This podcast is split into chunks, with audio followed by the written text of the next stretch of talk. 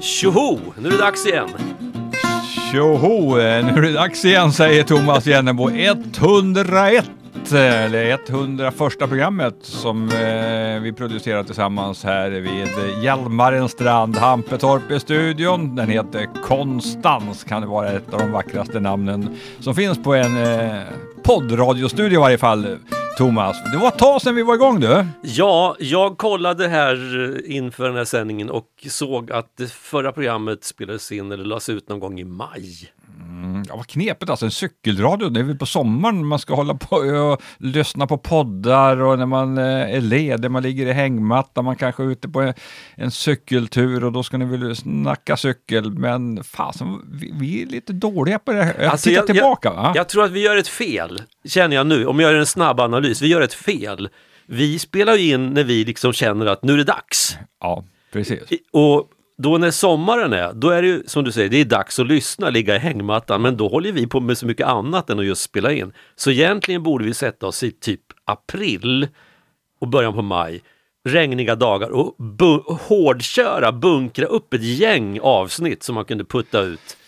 Ja, eh, du har rätt. Eh, men, vi, men. men sen är ju det här att du och jag lever ju här och nu väldigt mycket. Vi är live-människor och tycker liksom på något sätt att det blir bättre när vi kör live än när vi kör liksom efter manus och planerar. Nu ska vi prata om det och nu kommer det. Så det blir lite grann som det blir och då är det nog live som gäller. Men vi kanske, vi har pratat om, eh, vet jag Thomas, eh, tidigare lite grann, om vi ska få till plocka ihop lite saker som vi har gjort tidigare och göra liksom nya mm. remixar av olika saker. Vi har ju, hade ju vårt systerprojekt här, Cykelpratarna, som eh, man inte riktigt kommer åt för närvarande, men vi kommer ju åt det. Där skulle man kunna hämta väldigt mycket ny inspiration och sen plocka ihop det här på något sätt.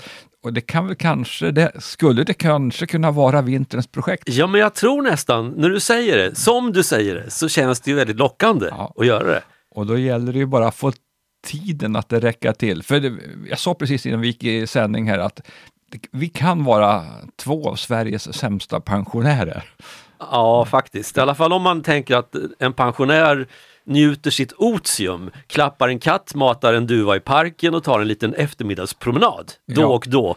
Följt av en, liksom, en eftermiddagslur på eh, någon gammal kökssoffa eller någonting. Nej, vi är dåliga på det. Det är många saker på gång. Det är en av anledningarna till att just sommaren inte blir eh, den tiden vi lägger mest tid på den här cykelpratarna. Nu kommer hösten, då eh, tänker jag, jag tror att du tänker kanske likadant. Eh, du får säga om du tänker annorlunda, men, men det är på något sätt att, att, på sommaren när vi gör saker, när jag gör saker, då går jag och laddar lite grann för upp till hösten. Ja, men då ska jag ta tag i det där och det, där och det ska hända i höst nu. Och en av de sakerna är ju bland annat cykelradion, så vi kommer vara tätare till hösten med program än vad vi har varit under eh, sommaren. Det mm, lovar vi. Det kan vi definitivt lova. Mm. För otätare inte ens en gistenbåt är otätare än våran sändningsplan under sommaren. Nej, verkligen inte. Vi ber om ursäkt för det, för vi vet ju det är en del som hör av sig. Eh, det är inte så liksom att man är nedringd, det vill jag inte påstå. Det är inte så att mailboxen liksom svämmar över heller av besvikna lyssnare. Men det är en och annan som undrar, hallå, var är ni någonstans? Eh, det skulle vara kul med ett nytt program och så vidare. Så det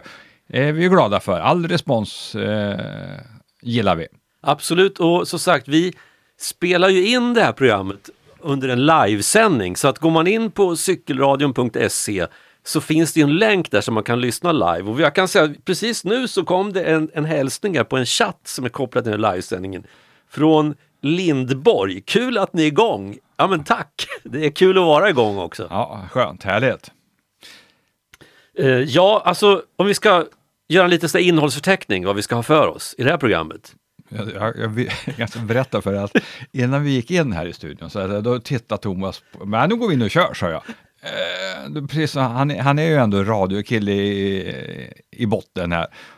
Och någon planering ska man väl ha? Nej, vi kör, så jag. Vi har ett, eh, runt nio tiden, då har vi mm. någonting riktigt viktigt i varje fall. Ja, det har vi. Då ska vi ringa upp en person som har fått en utmärkelse. Ja, ingen dålig sådan heller. Va? Nej, Nej, verkligen inte. Eh, vi säger inte mer än så, så länge. Nej. Eh, det ska vi göra och sen så blir det tävling såklart framöver. Sen i blir, programmet. Sen blir det ju en liten eh, blick också på den professionella cykelvärlden. Ni som följer det här programmet vet ju att vi pratar lite grann om det, men det är som inte fokus på det, utan det är fokus på cykel i allmänhet. Och sen ska vi börja peppa lite grann för 30 mil i november, vare sig man vill eller inte. Det är första september, det är officiellt höst idag, men jag kallar det här kanske mer en fantastisk sensommardag som är på gång. Men ensiffrigt på termometern på nattetid nu du. Mm, det drar ihop sig. Mm. Men, men faktum är att jag är lite sugen på det 30 mil i november redan. Ja, bra ja. ja. Nej, men det kommer bli, det blir en utmaning i år. Förra året fuskade jag lite grann, kommer du ihåg det? Det var i Spanien, ja. så det fick jag enkla mil där. Jag var ja. inte, inte hela, alla 30 mil fick jag inte ihop det på de där dagarna jag var där, men eh, det blev relativt lätt för mig.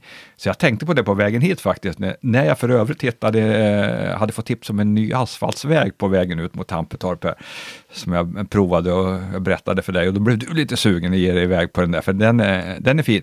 Men eh, i varje fall då tänkte jag också då på de här 30 mil november, hur fan ska jag få till det här nu? Nu gäller det att börja sätta på skärmar och grejer på de här cyklarna som jag har tänkt att använda för att lyckas med det.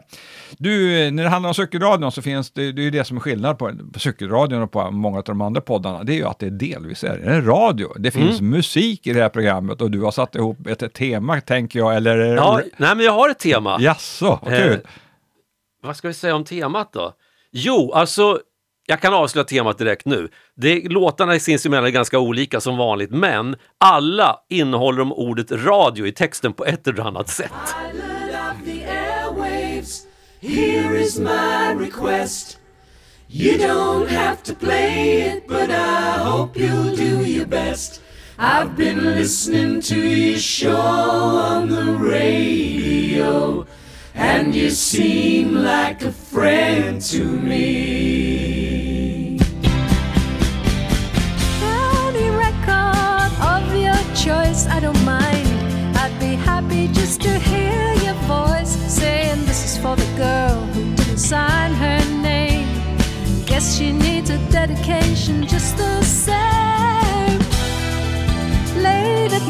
I'm still listening. Don't waste my time chasing sleep. People say I look weary, but that's just the company I keep. Ooh, you make the nighttime race. Ooh, I don't need to see your face. You're sounding good. Sounding good. Sounding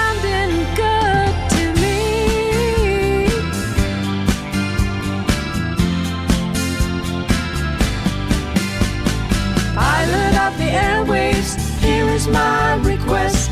You don't have to play it, but I hope you'll do your best. I've been listening to your show on the radio, and you seem like a friend to me.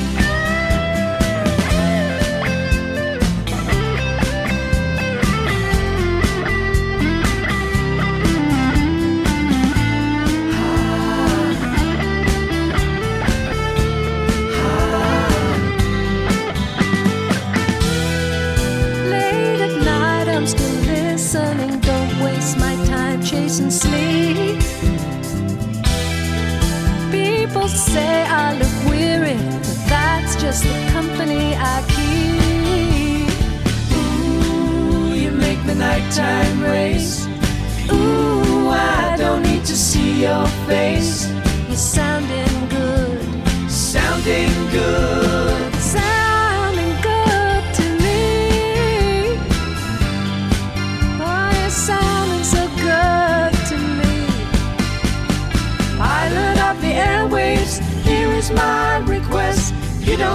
Play it, but I hope you'll do your best. I've been listening to your show on the radio, and you seem like a friend to me. Oh, I've been listening to your show on the radio, and you seem like a friend to me.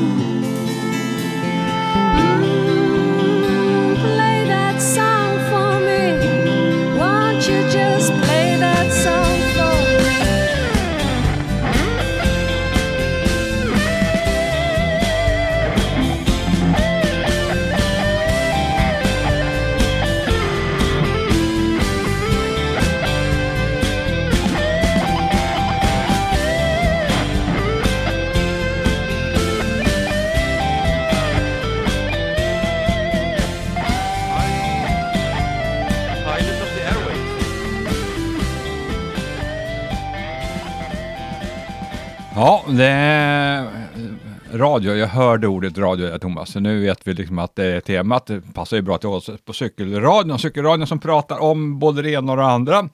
Eh, jag tänkte ta lite grann runt den professionella cykelvärlden på här sidan. Det är den som jag följer allra mest och det är den som har varit en stor del av eh, mitt liv och den har varit en stor del av mitt liv i Eurosport och jag kommer ju aldrig ihåg när vi började tillsammans, jag och Robert Wacke, men det var någonstans 96, 97, 1900 alltså. Så att, eh, det börjar bli några år. Det börjar bli några år, ja. Just nu är vi igång med Vuelta i Spanien som är lika bra som det alltid är, Vuelta i Spanien.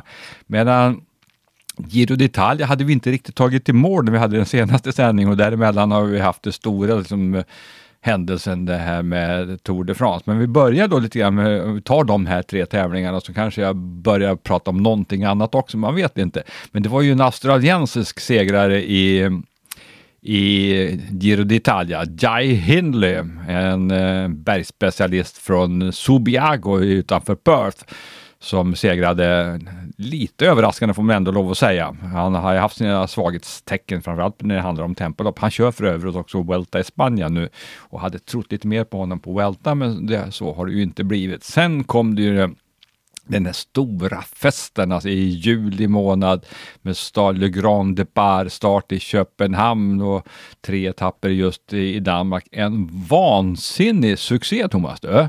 Jo men alltså, det, det tro, utan att ha varit där, men alltså, eftersom det spillde över så otroligt mycket även i svensk media, vilket mm. det verkligen gjorde, ja. så fattar man att det här var ju något i hästväg. Ja, för det första var vädret perfekt två av tre dagar. Den enda regnskuren som kom under hela eh, Tour de France kom ju faktiskt också på den allra första etappen, alltså en 13 kilometer lång tempoetapp inne i i centrala delarna av Köpenhamn. Och det var som att åka i en tunnel, berättade cyklisterna, för det var alltså kantat, fyrdubbla led, femdubbla led, sexdubbla led, ja ännu större led eh, runt hela banan faktiskt. Och den som man hejade allra mest på var ju naturligtvis hemmafavoriten Jonas Vingegaard som ju hade blivit tvåa på fjolårets eh, Tour de France som var ganska överraskande faktiskt. Och nu kom ju Vingegaard i, med sitt stora Jumbo-Visma-team som delad ledare, kapten tillsammans med Primoz Roglic.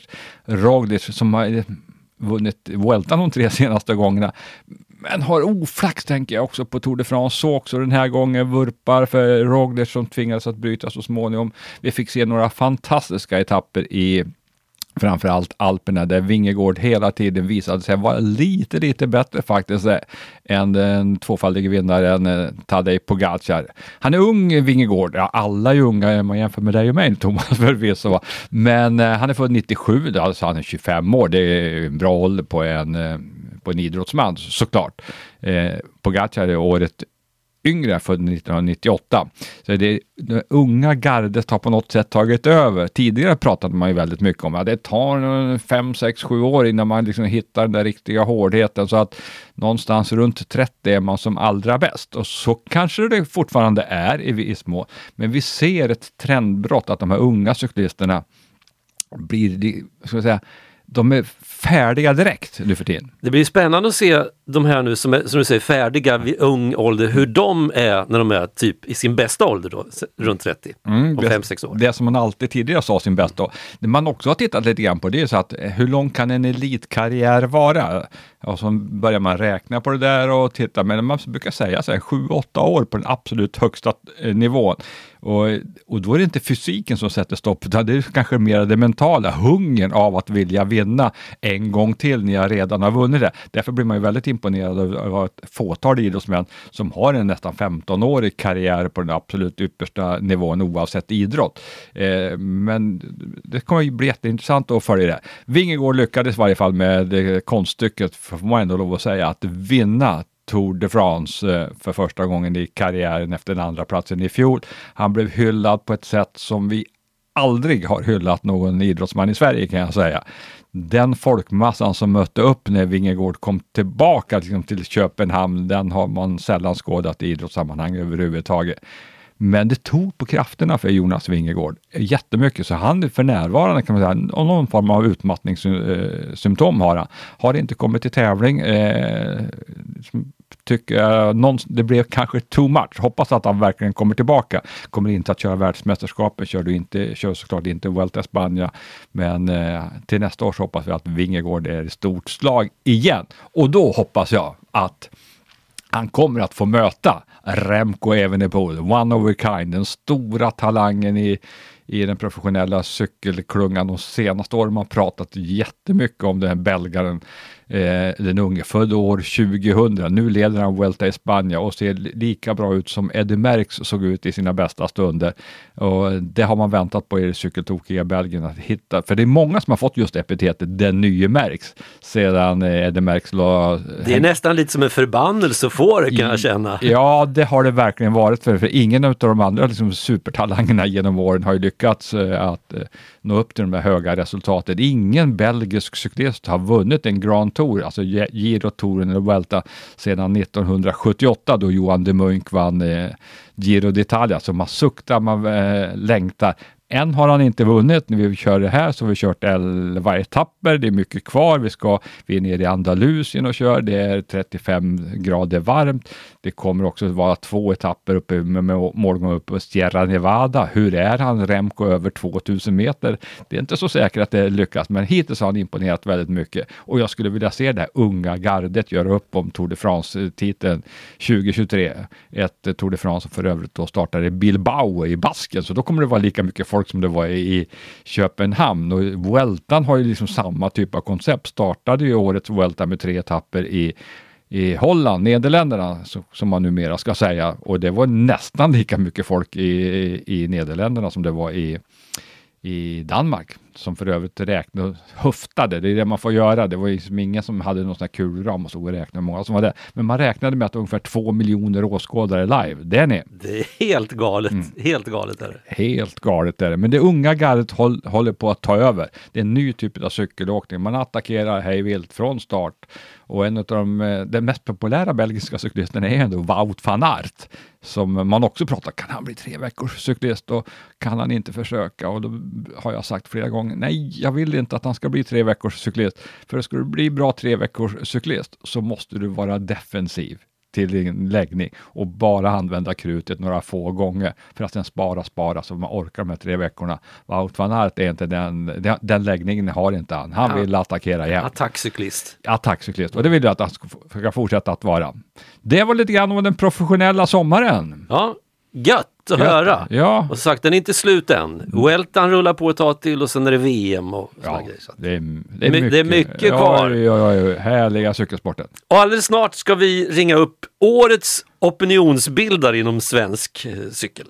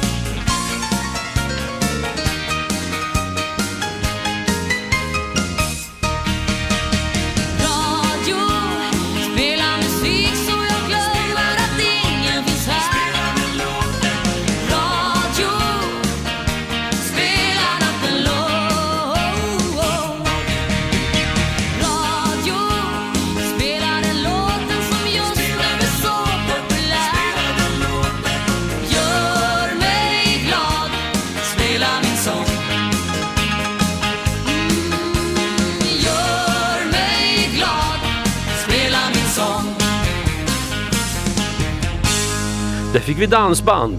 Grönvalls Radio heter låten. Apropå temat då.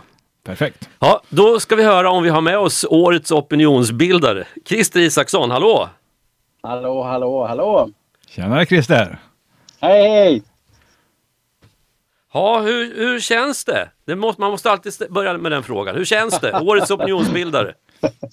Som att vinna Tour de France. Eh, inte för att jag har gjort det, så jag vet inte egentligen. Nej, men det är ju, alltså det är ju smickrande och, och, och hedrande och man blir lite stolt och glad över att, eh, vad ska vi säga, ens lilla arbete uppmärksammas utanför den lilla vrå jag sitter i och, och gör arbetet. Så att eh, det är jätteroligt. Det är ganska tunga namn på den där listan som har fått en utmärkelse. Mycket politiker och sådana. Ja, det är det ju när man tittar tillbaka där. Den är väl, firar väl nästan tio år nu. Så, här, så, så är det det. Och eh, det jag tycker var roligt är att förut om jag förstår rätt så, så är det mer eh, Svensk Cyklings styrelse som så att säga har nominerat och valt. Och, och nu gick man ut eh, och efterfrågade nomineringar eh, till så att säga om vi ska kalla det cykelallmänheten. Och, och ur det då så kom mitt namn och, och det, det ju, tycker jag väldigt smickrande och roligt att så att säga eh, Ah, gemene man eh, är det som nominerat mig va? och det är jätteroligt. Mm, Christer, jag följer ju dig på lite sociala medier, framförallt på Twitter och jag ser du, eh, du är väldigt flitig. Du hittar mycket saker som eh, du gärna vill eh, lyfta upp och och förbättra och får också eh, mycket respons där. Jag tänker att eh, det här med att vara opinionsbildare, det gäller att man syns såklart. Och eh, var finns du någonstans, mer än på Twitter? Ja, alltså dels så eh, är det ju, har jag ju min blogg på bicycling.se. Det är väl egentligen den, den så att säga, stora kanalen utåt. Eh, ibland skriver jag ju i tidningen Bicycling också. Eh, men sen är det ju också genom att jag hållit på så länge och, och också varit så att säga offentliganställd och hållit på med cykelplanering så, så har jag ju ett, vad ska man säga, ett nätverk eh, i media också Eh, som, som då där man intervjuar mig och, och, om allt mellan himmel och jord vad det gäller cykel. Så att det, är många kanaler. Twitter är ju egentligen bara den, en liten kanal av, av väldigt många flera när man kollar på en hel del av de här inläggen du gör, så ibland så funderar jag, när man ser, du lägger ut bilder, någon som har satt upp ett sånt där elskåp mitt i en cykelbana eller en stolpe eller bara ställt en stor truck mitt i vägen. Alltså är folk så där dumma på riktigt eller alltså, hur, hur, hur hänger det där ihop? Är det fejk? Nej, fejk är det inte. Dessvärre, om det vore fejk så, så, så var det ju bara en, en, en, en, en låtsasbild. Va? Eh, jag skulle säga att i grunden, nej folk är väl egentligen inte dumma. Så kan man ju naturligtvis sammanfatta det om man vill. Eh, men egentligen speglar det eh, ett förhållningssätt och ett synsätt och det, som går ut på att det är inte viktigt. Man bryr sig inte mera än så här. Eh, man, sett, man flyttar inte elskåpet. Eh, det kostar lite för mycket. Man får väl se sig för. Man har ju styre, förhoppningsvis ett välsmort styrlager så att det går att svänga runt här. Man har bra sikt, eh, eller bra syn menar jag, så att man ser det där i alla olika väderlekar och tider på dygnet. Helt enkelt en, en stor nonchalans och en, en okunskap om vad säker och framkomlig cykling handlar om. Något som massor med kommuner som riksdag och regering säger att vi ska prioritera och jobba för. Men sen när det då sipprar ner till de här organisationerna och de här enskilda individerna som faktiskt ska genomföra det här eller skapa förutsättningar. Då är det en axelryckning och en, en, liksom en, en, en förhållningssätt som att ah, vi behöver nog inte flytta det där, man får väl se sig för. Oj, då hade vi glömt en reflextejp. Äh, vi klistrar på lite. Ja, så får de väl se sig för. De får ju skylla sig själva om de danglar in i det där elskåpet. Det är inte vårt problem. Så att det är ett förhållningssätt och ett synsätt som så att säga eh, genomsyrar många av de här organisationerna. Och egentligen kan man väl också då säga att det är en inkompetens som, där, där, många individer som är satta i de här positionerna faktiskt inte har tillräcklig kunskap. De förstår inte vad deras agerande leder till. Mm. Och, och, och, kommer med floskler och så vidare när de ställs till svar eh, varför de har gjort på det här sättet. Så det, det, det är, eh, vad ska vi säga, det är ganska sorgligt för det är också många gånger väldigt det är bland de, så att säga, i vår bransch, de högst utbildade som fattar de här besluten. De ska, som ska ha kunskap, som ska ha förståelse. De ska framförallt ha kunskap om när de saknar kunskap och då efterfråga den. Men nej, då rycker de hellre på axlarna och säger den får stå där den står, det blir skitbra.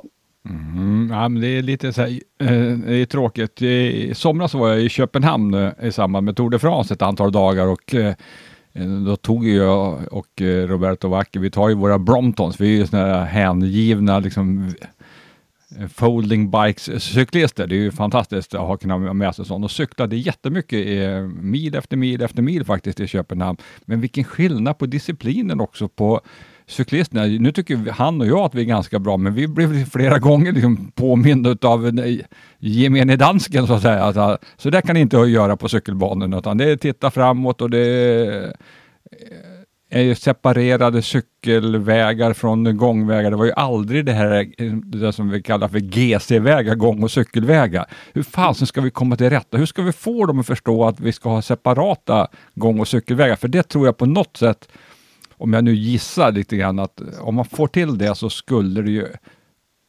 bli på det sättet att det blev säkrare att cykla. Det blev också lättare för, eh, ja, för gångtrafikanten och också kanske för bilister att förstå liksom att det är en cykelbana, att det rör sig lite fortare än vad det gör på en gångbana. Hur tänker du runt eh, det, Christer? Om man säger sig vilja satsa på eh, cykeltrafiken, ökad och säker cykling, så är det ju grunden. Att blanda gående cyklister, det, det är ju bara en, en, så att säga budgetfråga. Det är billigare att göra på det sättet.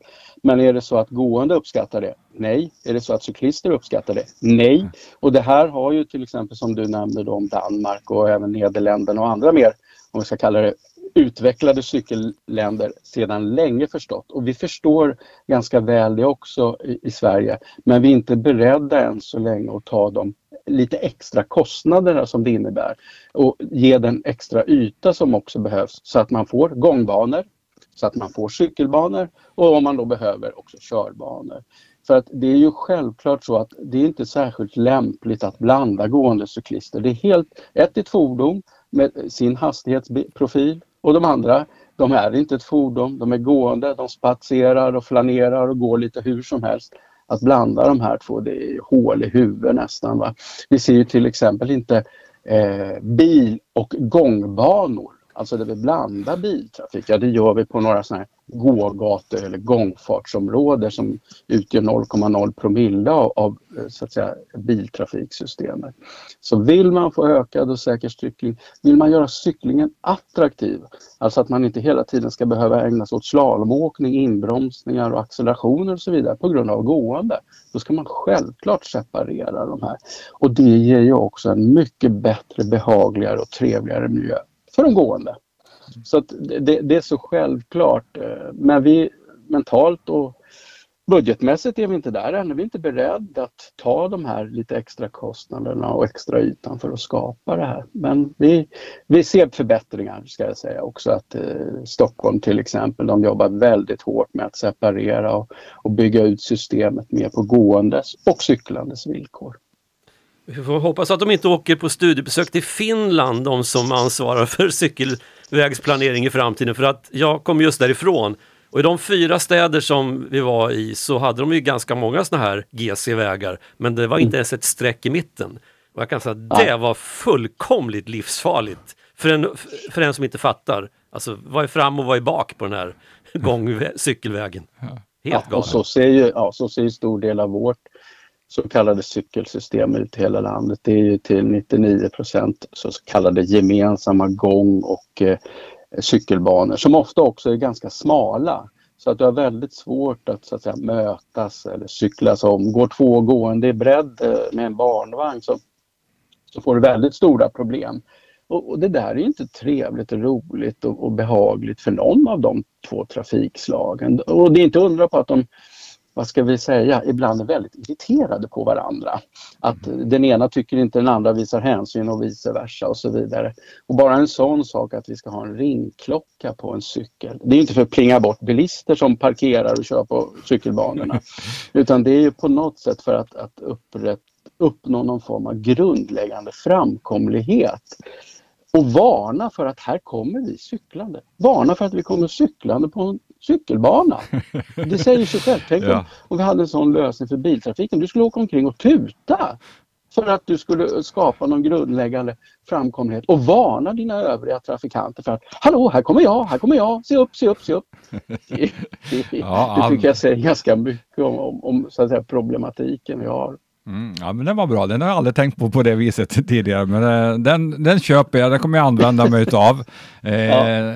För det är också, jag cyklar nog lite fortare tror jag än gemene man på cykelbanan, även med min standardcykel. Så jag passerar ju betydligt fler än vad jag blir passerad av. Eh, förutom då när jag var i Köpenhamn, för där passerade alla mig, kändes det som lite eh, Och ofta är, får man ju den där liksom arga blicken utav den, eh, en cyklist man kör förbi eller en som går på eh, eller i det här gänget, fem stycken som går över hela då gång och cykelbanan och de blir irriterade att man just inte plingar då. Va? De, inte, de tycker inte att det är okej okay om jag säger upp då är, då är jag otrevlig tycker de då på något sätt. Ja, men eh, det finns en bra poäng med det. Du, det är ju valtider lite grann nu Christer också. Är, är, har du noterat någonting att eh, att politiken lyfter det här med just de här små frågorna i sammanhanget. Eh, politik är ju så mycket mer och val är ju så mycket mer, men för väldigt många är, är ju det här en del av vardagen. Lyfter man det här i tillräckligt stor utsträckning, tycker du, på kommunal nivå? Nej, det gör man inte enligt min uppfattning. Men under lång tid har det varit från nationell nivå, alltså våra riksdagspolitiker, en, en inställning att cykling är framförallt en, en lokal företeelse. Att det får kommunerna ta hand om. Det är ungefär underförstått det. Och, och, och, det är ju till viss del så att, att ja, det, det, cyklas väldigt mycket i våra städer på de Eh, ytor som är kommunernas ansvar. Men, men det är bara halva sanningen. För det, man skulle kunna överföra samma förhållningssätt till biltrafiken. Att, eh, om vi tar till exempel i det området jag bor, då, Stockholm och Stockholms län. Alltså majoriteten av gatusystemet där, det är kommunalt.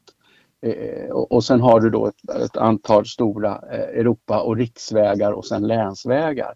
Men de utgör ju en, en, mindre del av, av helheten.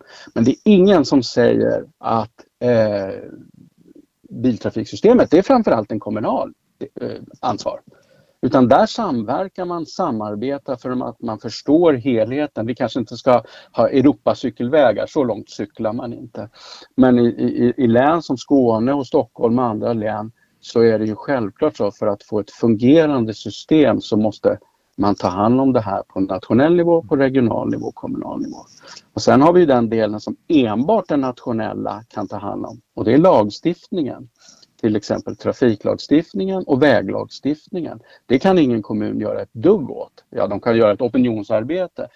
Så att om man ska ha en, en cykelanpassad eh, trafiklagstiftning, ja då är det på nationell nivå. Ska vi till exempel kunna bygga eh, eh friliggande eh, cykelvägar, alltså som inte har med vägen att göra utan de får gå genare eller andra sträckningar. Då måste väglagen ändras. Så att då, då är det återigen på riksnivå. Men det börjar väl sjunka in lite hos en del partier i varje fall att, att så att säga alla, alla nivåer har ett ansvar. Eh, men det är långt. Många säger sig jobba för cykling. Men när man skärskådar det så är det ju definitivt inte så. Va? Det finns ju de som till och med jobbar mot ökad och säker cykling.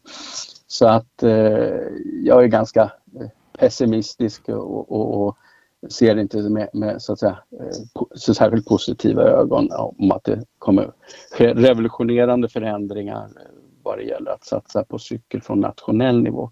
Desto, regional och kommer, desto, desto, viktigare då Christer att du fortsätter ditt arbete som opinionsbildare och att vi blir fler som också hjälper till att bilda den här opinionen. Det är ganska lätt att cykla men det är knepigt att fixa infrastruktur för cykling och det borde vi kunna rätta till på sikt, eller hur?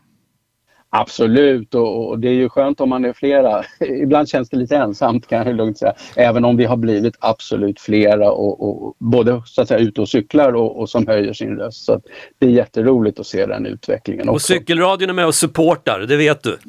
Absolut.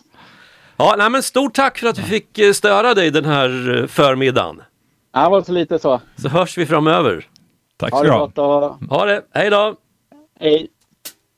Yo, yo, yo, yo. Right about now you're listening to the number one station. Back records good like FM. and on our hit list, number one top ten. Number one we got Radio Man, Radio Man, yeah, Radio Man.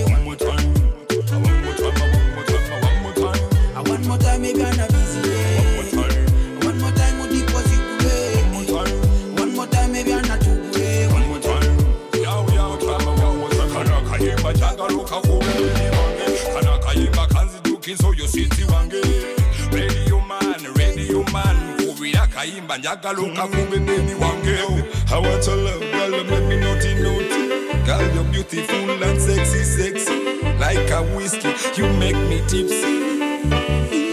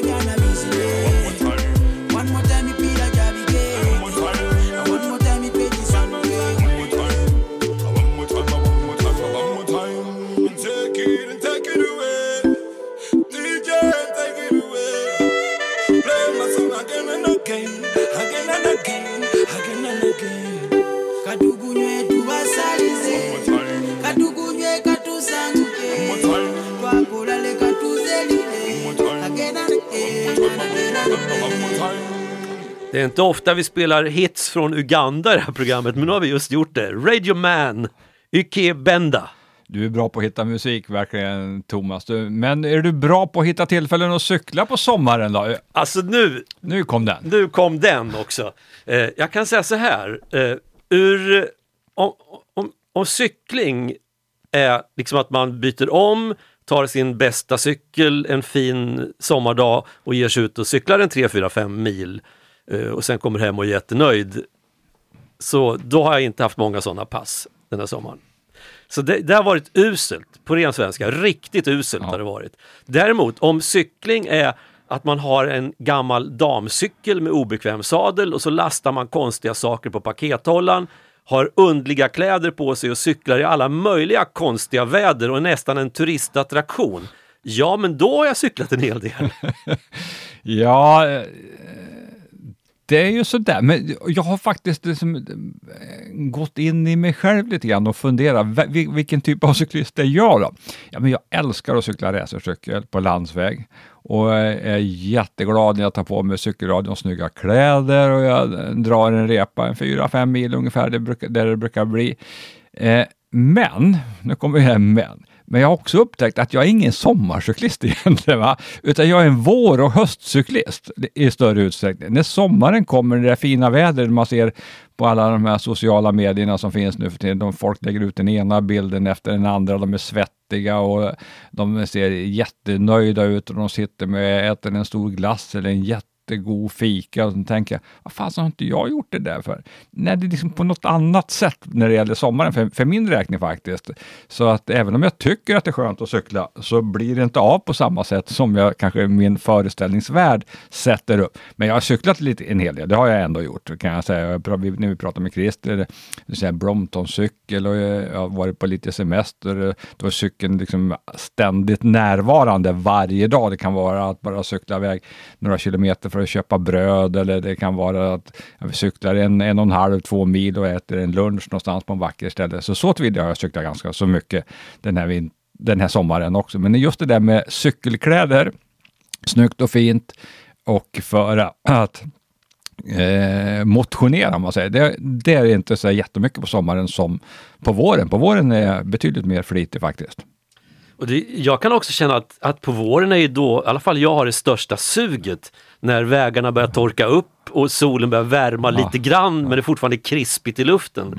Då är det ganska läckert att få sträcka iväg några mil. Mm, och det är samma lite grann här på, på eh, hösten. Då.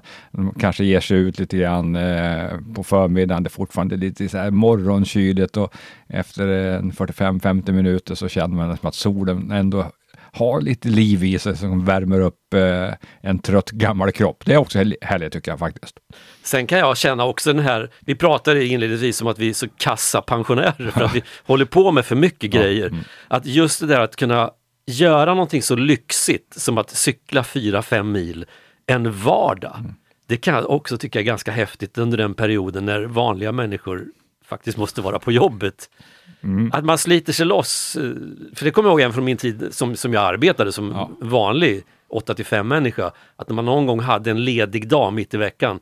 Så det var ju värt så otroligt mycket att ge sig ut en vardag och vara ledig. Mm, verkligen. Men det som ändå liksom ligger kvar oavsett hur mycket man har cyklat eller hur lite man har cyklat, att man ångrar aldrig en cykeltur.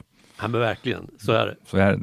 Du, vi har ju vårat, vi börjar varva upp nu. Det är första september idag. Det är ett par månader kvar till 30 mil i november.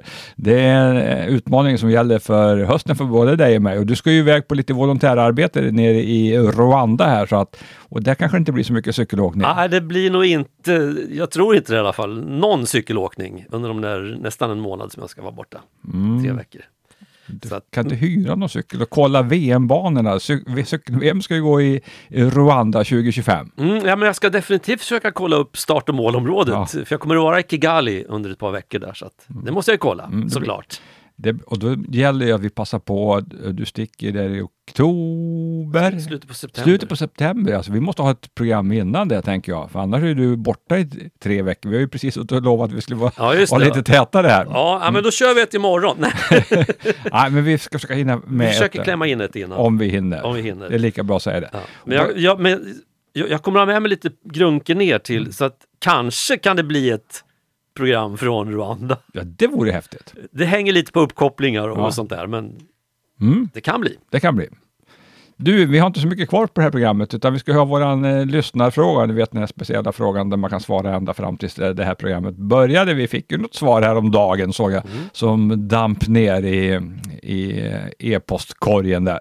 Så att eh, vi ser ju och märker ju att eh, Naturligtvis, precis när vi har släppt ett program, då är det många, eh, då är det de flesta som lyssnar. Men det lyssnar människor ja, varje dag faktiskt under mm. under sommaren här och från senaste programmet. En och annan är nyupptäckt och en och annan kommer på, just fasen, vi har de där cykelradion också. Tipsa gärna era kompisar om ni tycker att det här är trevligt. Tycker ni inte att det är trevligt så behöver, kan ni tipsa ändå. Få se vad de tycker. Ja, eller hur? Ja. Bara en sån sak. Precis. Ja. Ja. Ja, men ska vi köra en låt till Ja. och så laddar vi för, för tävling. Ja. Alltså, en vinnare från förra, från det hundronde avsnittet. Och så en, en ny tröja på spel då.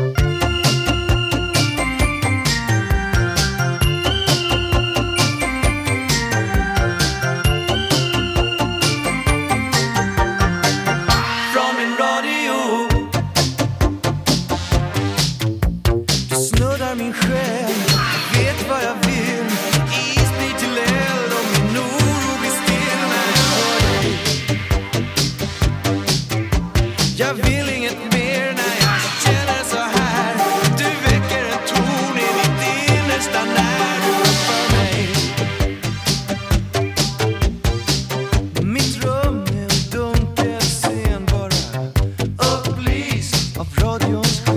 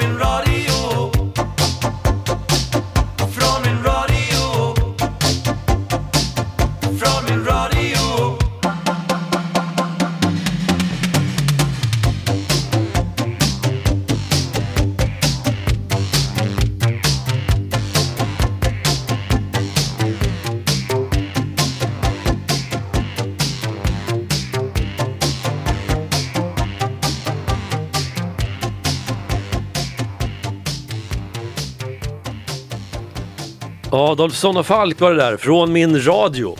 Och det här är ju en sändning från cykelradion, den 101 noga räknat.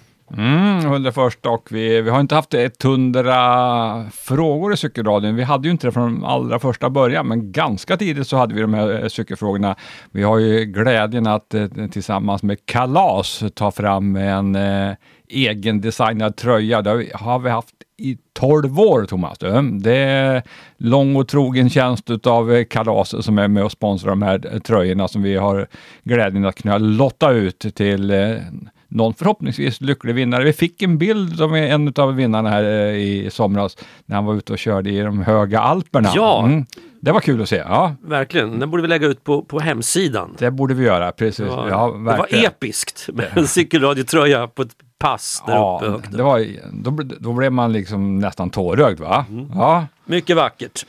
mycket vackert. Ja, Du, hur går det med eh, tombolan? Ja, vad, vad hade vi för fråga sist?